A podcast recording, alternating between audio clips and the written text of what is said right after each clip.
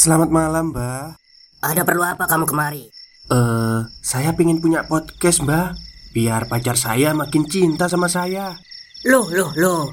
Mau bikin podcast kok tanya dukun? Sekarang kamu download aplikasi Anchor.fm. Di situ kamu bisa buat podcast gratis dan podcast kamu bisa didistribusikan ke platform mana pun. Dan di aplikasi atau website Anchor.fm juga terdapat fitur-fitur yang memudahkan kamu untuk membuat podcast. Oh, gitu ya, Mbak. Kalau gitu, saya boleh minta password wifi-nya, Mbak. Buat apa? Buat download Anchor.fm, Mbak.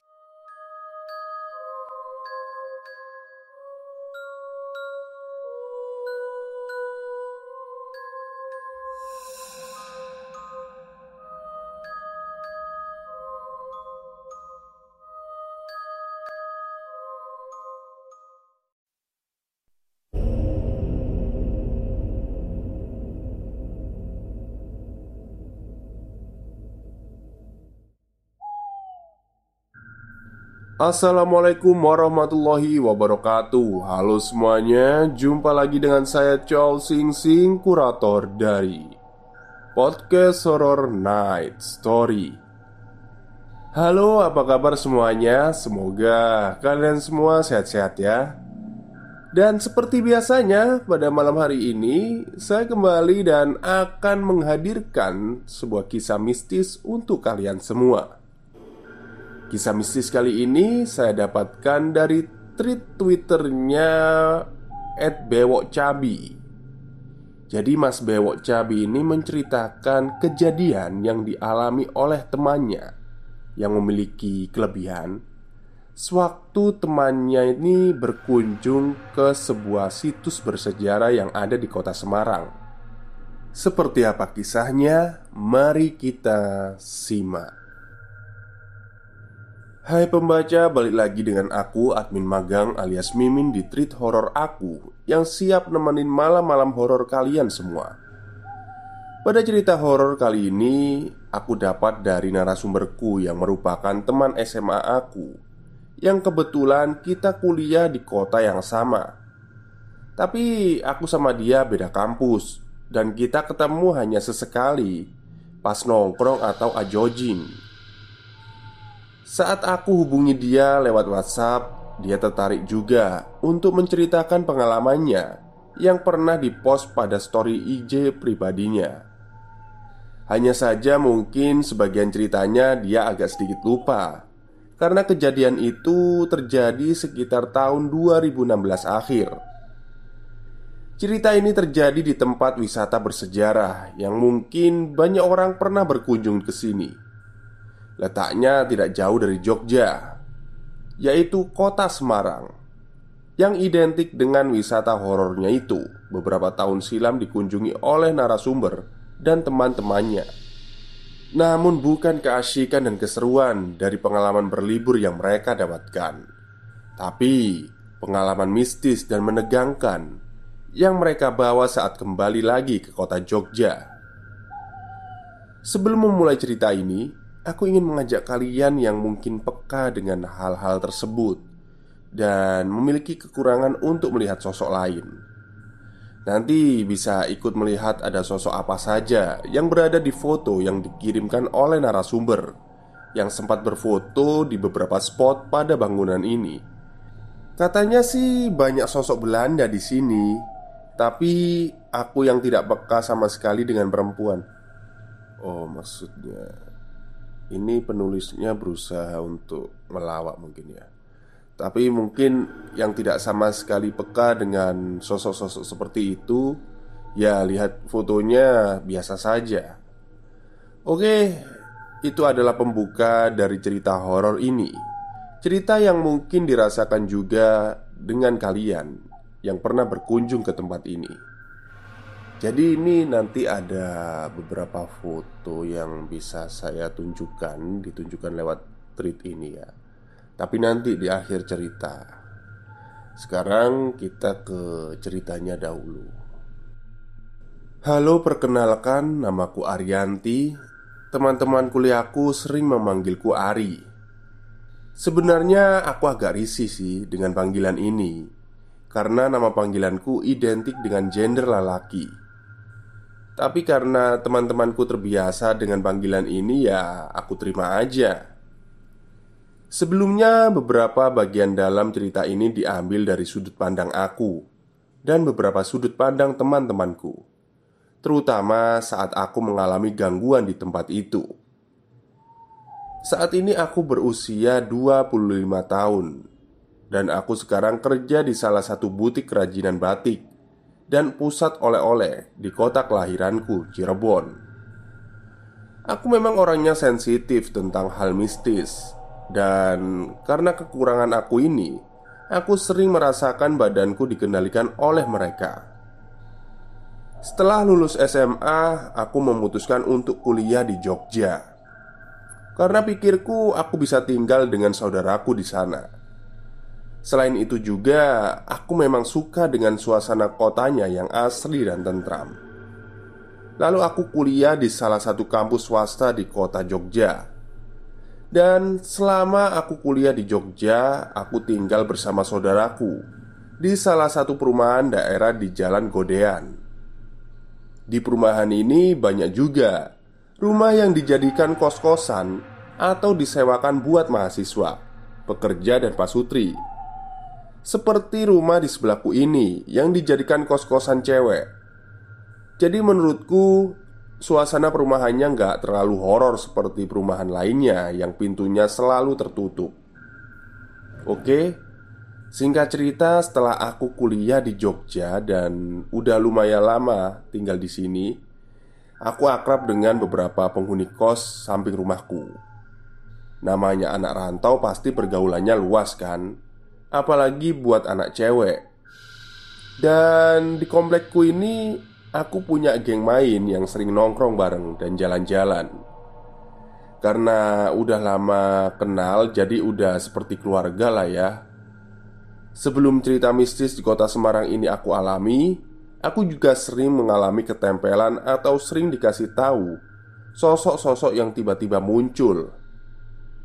Seperti di cerita ini saat aku sedang main ke apartemen temanku di daerah Senturan, di situ aku bersama Robi, Mutia, dan Tovan Baru selesai berenang sekitar jam 6 sore. Saat kami berempat sedang asyik ngobrol di pinggir kolam Samar-samar dari kamar atas aku melihat sosok wanita Yang melirik ke arah kami. Awalnya tak aku hiraukan sosok itu karena memang yang peka di situ cuma aku. Dan saat itu Cuma Mutia yang paham gerak-gerikku. Saat aku tahu ada sosok lain di sekitar kita. Sosok wanita cantik yang mungkin dulu sebelum bangunan ini ada Dia sudah lebih dahulu ada di sini. Tampak dari raut mukanya yang memperlihatkan kesedihan. Pas aku mau masuk kamar Ternyata sosok itu mengikuti aku sampai ke kamar temanku. Di sana bersamaan muncul wangi bunga melati dan bau seperti dupa yang sangat menyengat di hidungku. Lalu, kata temanku, setelah itu aku tak sadarkan diri sampai jam 3 pagi. Di situ teman-temanku panik karena tidak tahu apa yang harus mereka lakukan Sosok lain pun bergantian keluar masuk ke tubuhku. Kata mereka, ada sosok yang masuk ke badanku. Kemudian aku menari. Sosok wanita menari itu seakan mengajakku menari mengikutinya. Aku tak tahu berasal dari mana sosok ini. Entah dari bangunan ini atau sekedar lewat atau singgah.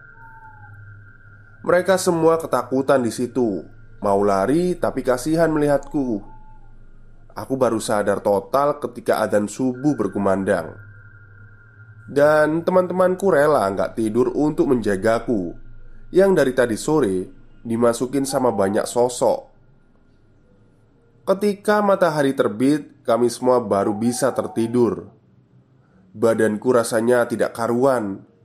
Rasa capeknya seperti orang yang bekerja seharian. Aku pun pulang ke rumah saudaraku sore hari di antar Mutia. Besoknya aku main ke apartemen itu lagi Dan ternyata sosok itu sudah tidak ada Bagi orang yang mengenalku dekat mungkin sudah tidak heran lagi kalau aku merasakan hal seperti itu. Karena bukan sekali atau dua kali saja aku merasakannya. Termasuk geng di kompleksku yang sering main sama aku. Saat itu memang sedang libur kuliah, jadi aku punya banyak waktu untuk main dengan teman-temanku. Sampai pada suatu hari, geng di komplekku ini mempunyai rencana untuk berlibur di kota Semarang. Setelah sepakat menentukan hari, akhirnya kami berangkat bersembilan. Aku, Cesha, Dira, Dinar, Tommy, Luki, Mutia, Robi, dan Tovan. Kami berangkat dari Jogja menggunakan dua mobil pribadi. Di mobilku ada aku, Mutia, Luki, Dira, Tommy. Sedangkan mobil yang satunya diisi oleh Robi, Dinar, Cesa, dan Tovan Dari Jogja, kami berangkat jam 4 subuh Kami memilih rute lewat Magelang supaya pemandangan asri pedesaan yang sejuk terasa Dan karena jam segitu jalanan masih lenggang Jadi jarak tempuh kami kurang lebih 3 jam saja Sesampainya di kota Wingko ini, kami langsung meluncur ke kuil Sampukong sambil nunggu jam check-in hotel yang kami pesan. Wajah kusam dan lelah menghiasi raut muka aku dan teman-temanku. Sementara tadi sempat berhenti di pom bensin daerah Ambarawa untuk sekedar bersih-bersih badan saja, dan sebagian ada yang makan untuk mengisi perutnya. Panas terik menyinari kota Semarang waktu itu. Saat kulihat, jam sudah menunjukkan pukul 11 siang. Karena hotel kami berada di area Simpang 5 Jadi aku berinisiatif untuk mengajak teman-temanku menuju ke hotel saja dulu Untuk mandi dan beristirahat sebentar. Eh, udah jam segini nih Mending kita ke hotel aja yuk. Bisa rebahan sebentar. Teriakku kepada mereka. Aku sih ayo aja. Yang lainnya gimana? Jawab Robi. Gimana pak sopir? Anda lelah kan? Kata Mutia kepada Tommy sambil bercanda. Oke lah Tanpa basa-basi lagi Kami semua langsung meluncur ke hotel Suasana perkotaan Semarang yang cukup padat Membuat kami agak lama sampai di hotel Sesampainya di hotel, kami semua langsung bersantai di kamar. Ada yang makan sambil merokok di balkon depan kamar. Ada juga yang sibuk dengan gadgetnya masing-masing. Aku yang merasa punggungku capek langsung saja terbaring di kasur. Kami memesan dua kamar, yang cowok dan cewek dipisah biar nggak ada apa-apa. Hari pertama di kota Semarang, kami jalan-jalan keliling kota, menikmati indahnya lampu perkotaan berwarna-warni sambil bercanda. Sampai rasa lapar datang, lalu Tommy mengajak kami makan soto Semarang di sekitar Simpang Lima. Eh, kalian pada lapar nggak? Diam-diam aja, tanya Tommy sambil bercanda. Ya lapar lah di hotel tadi kita cuma ngemil doang Jawab Mutia Aku ada tempat makan enak nih Seru Tommy Wah di mana tuh Tom? Ngikut aja aku mah Tanya Dira penasaran Soto Semarang Pada mau nggak? Ajak Tommy lagi Ya udahlah langsung ke sana aja Teriakku Lalu kami pun langsung menuju ke tempat makan yang Tommy maksud. Sekitar jam 7 malam kita semua makan. Kemudian selesai makan kami berniat nongkrong di kota lama Semarang. Katanya sih bagus kalau malam hari. Ditambah lagi dengan ornamen-ornamennya yang bernuansa Eropa. Oke, tanpa pikir panjang kami langsung meluncur ke sana Setelah puas berfoto-foto dengan spot bangunan tua di sana Aku dan teman-teman memutuskan untuk pulang kembali ke hotel Karena waktu sudah menunjukkan jam 9 malam Tapi Sewaktu di perjalanan Lucky punya ide yang menurutku ide gila yang membuat kami semua mendapatkan imbasnya. Eh, masih jam segini nih. Gimana kalau kita wisata malam ke Lawang Sewu? Kayaknya seru tuh, kata Luki kepada kami. Wah, gila kamu. Yakin mau ke sana sekarang? Tanya Mutia dengan raut takutnya. Karena sebenarnya mereka sudah paham kalau beberapa di antara kami ada yang peka sama hal begituan. Jadi mungkin Lucky tertarik dengan sosok-sosok apa saja yang berada di bangunan Belanda itu. Aku sering dengar cerita mistis tentang bangunan tua itu. Dan dari orang-orang pun sedikit was-was Karena takutnya kita bisa masuk tapi nggak bisa keluar Namun hal itu coba aku singkirkan karena niat kami di sini untuk berlibur, jadinya ya aku iakan saja ajakan itu. Saat sampai di Lawang Sewu, aku sudah mulai disambut sama sosok yang berdiam diri di rangkaian kereta api depan bangunan tua itu. Sosok wanita Belanda dengan baju putih dan sosok anak kecil itu memperhatikan kedatanganku dan teman-temanku. Stop, stop, kita break sebentar. Jadi gimana? Kalian pengen punya podcast seperti saya? Jangan pakai dukun, pakai Anchor.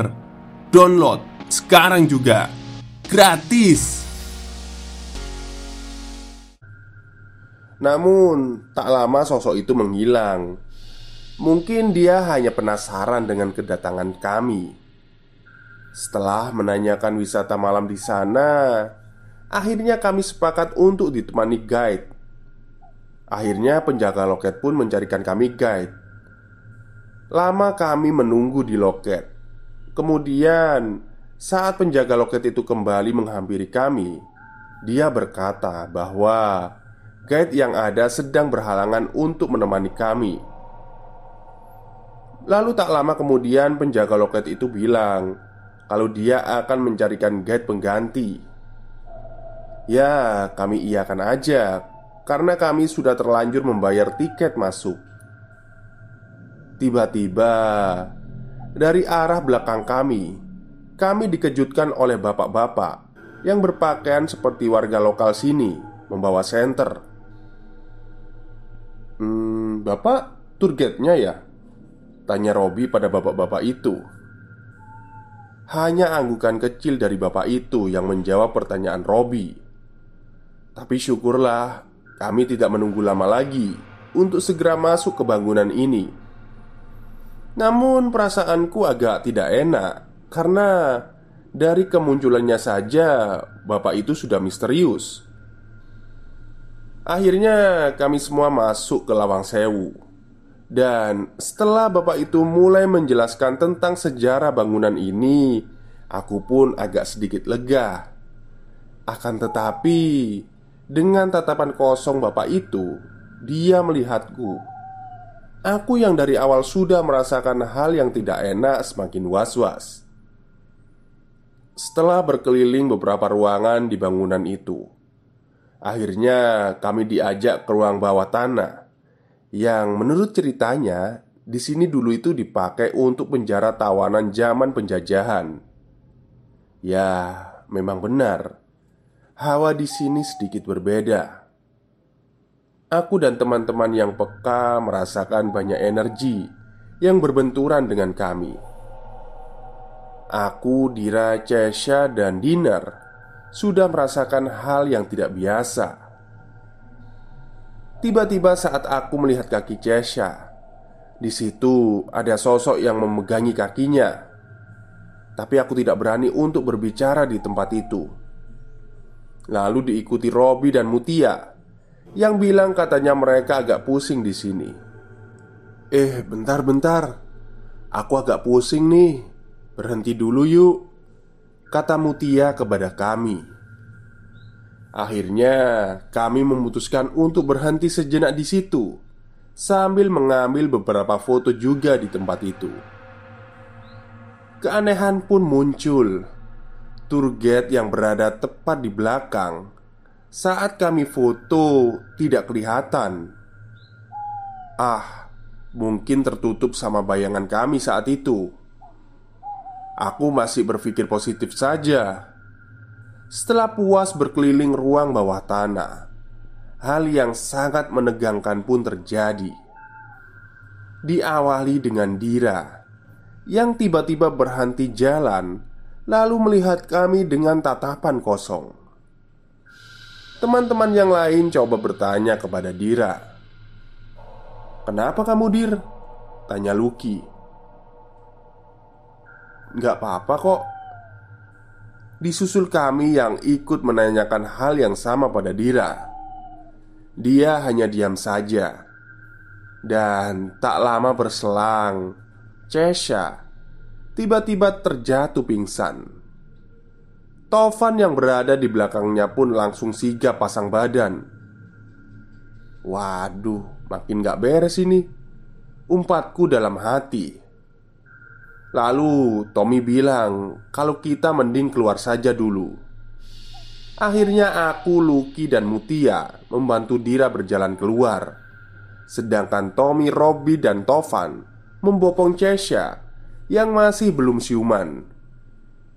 Dira membantu membawakan barang yang dibawa oleh Chesha. Dinar maksudnya ya. Dan saat kami sudah berada di luar, Tommy, Robby, dan Tovan merasakan pusing dan merasa badan Chesha semakin berat. Dinar pun ikut kemasukan. Disusul aku yang merasakan badanku seperti menggendong sesuatu. Di situ aku langsung tak sadarkan diri. Suasana semakin mencekam saat Tovan dan Tommy menengok ke belakang. Ternyata Guide yang sedari tadi ikut sama kami itu tiba-tiba nggak ada hilang.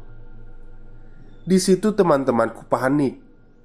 Aku, Dinar, Cesha, dan Dira sudah mulai dirasuki makhluk lain dari bangunan ini. Lucky dan Mutia saat itu langsung kepikiran untuk menghubungi ayahku. Waktu itu jam menunjukkan pukul 11 malam. Lama Lucky menelpon ayahku Akhirnya diangkat juga. Halo, Assalamualaikum.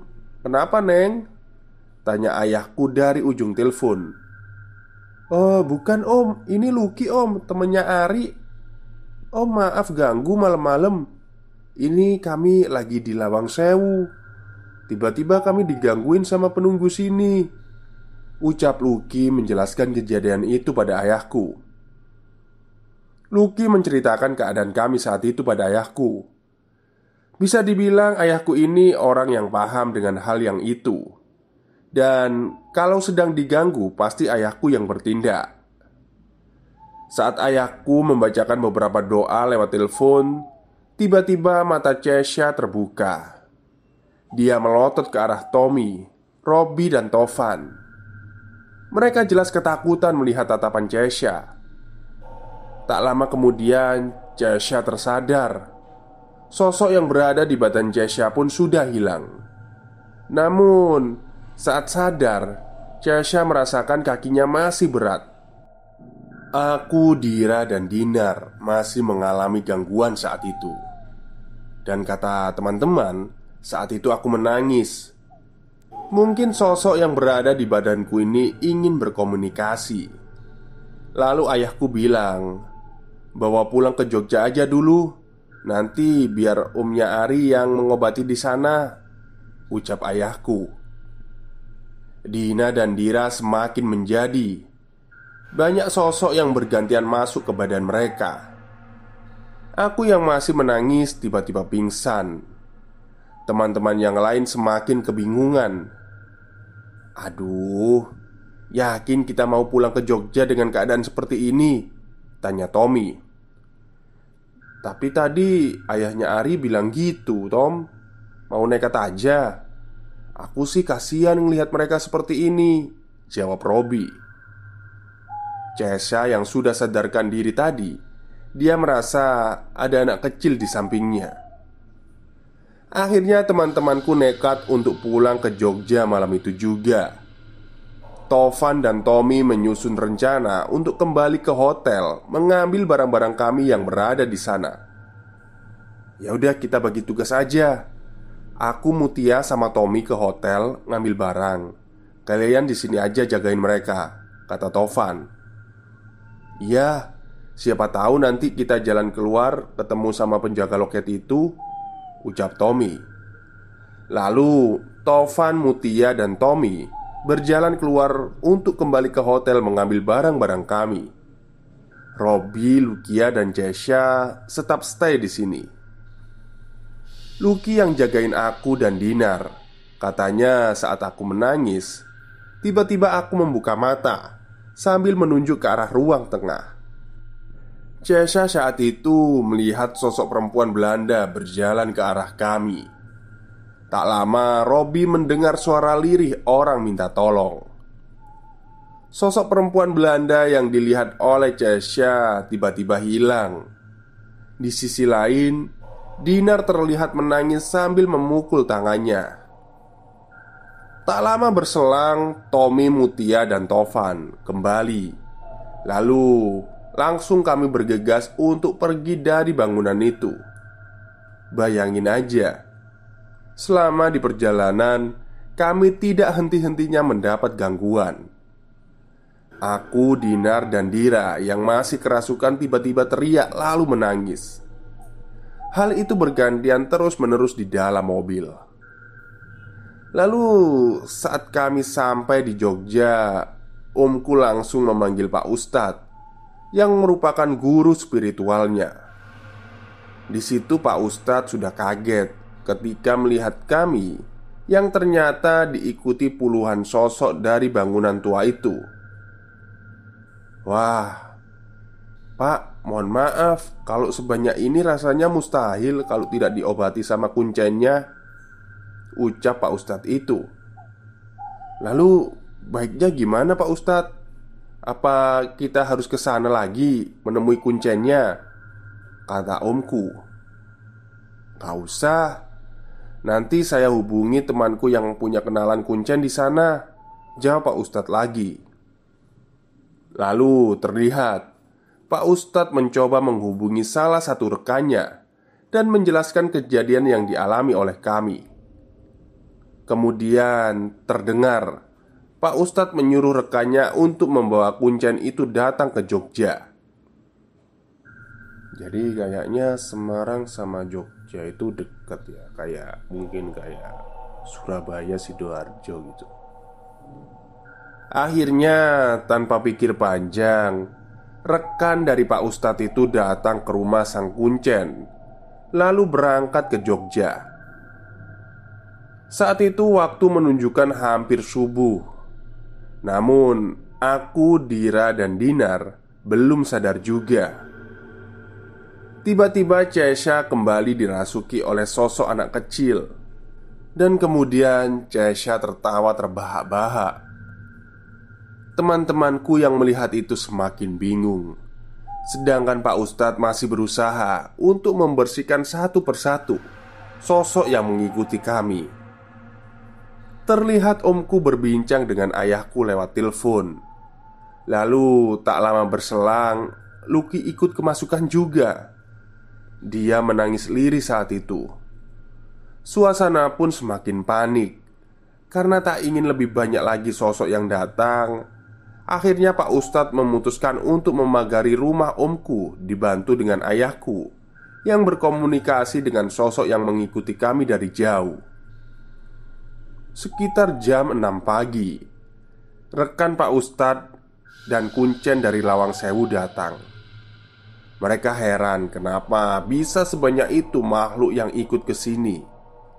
Lalu kuncen itu langsung tertarik dengan aku. "Kalian di sana ngapain aja?" tanya kuncen. Awalnya kami berkeliling biasa, lalu kami diajak ke ruang bawah tanah, Pak, sama tour guide-nya. Nah, dari situ satu persatu dari kami kerasukan. Jawab Tommy yang mencoba menjelaskan kepada Kuncen. Tapi tour itu tiba-tiba hilang pak. Sambung Tommy lagi. Hmm, Tour itu bukan manusia Ucap Pak Kuncen tersebut. Maksudnya bukan manusia gimana ya pak? Tanya omku Guide itu jelmaan dari bangsa jin Jawab Pak Kuncen itu Lalu kami yang mengalami gangguan bisa kembali sadar selepas duhur Saat itu aku merasakan badanku rasanya tidak karuan, sakit sekali saat membuka mata, aku melihat banyak orang yang berkumpul di sekelilingku. Kulihat ada tante, sepupuku, dan teman-teman yang lain. Berkaca-kaca matanya melihat ke arah aku, Dira, Dinar, dan Cesha, serta Lucky. Lalu kuncen itu berkata, "Banyak sosok yang tertarik pada kalian, terutama anak ini. Sebaiknya kalian tidak usah kembali ke Semarang dulu untuk sementara waktu." Atau mungkin jangka waktu setahun ini Kata Pak Kunjan sambil menunjuk aku Aku Kenapa memangnya dengan aku? Kenapa sosok itu tertarik padaku? Tanyaku dalam hati Memang kenapa ya pak?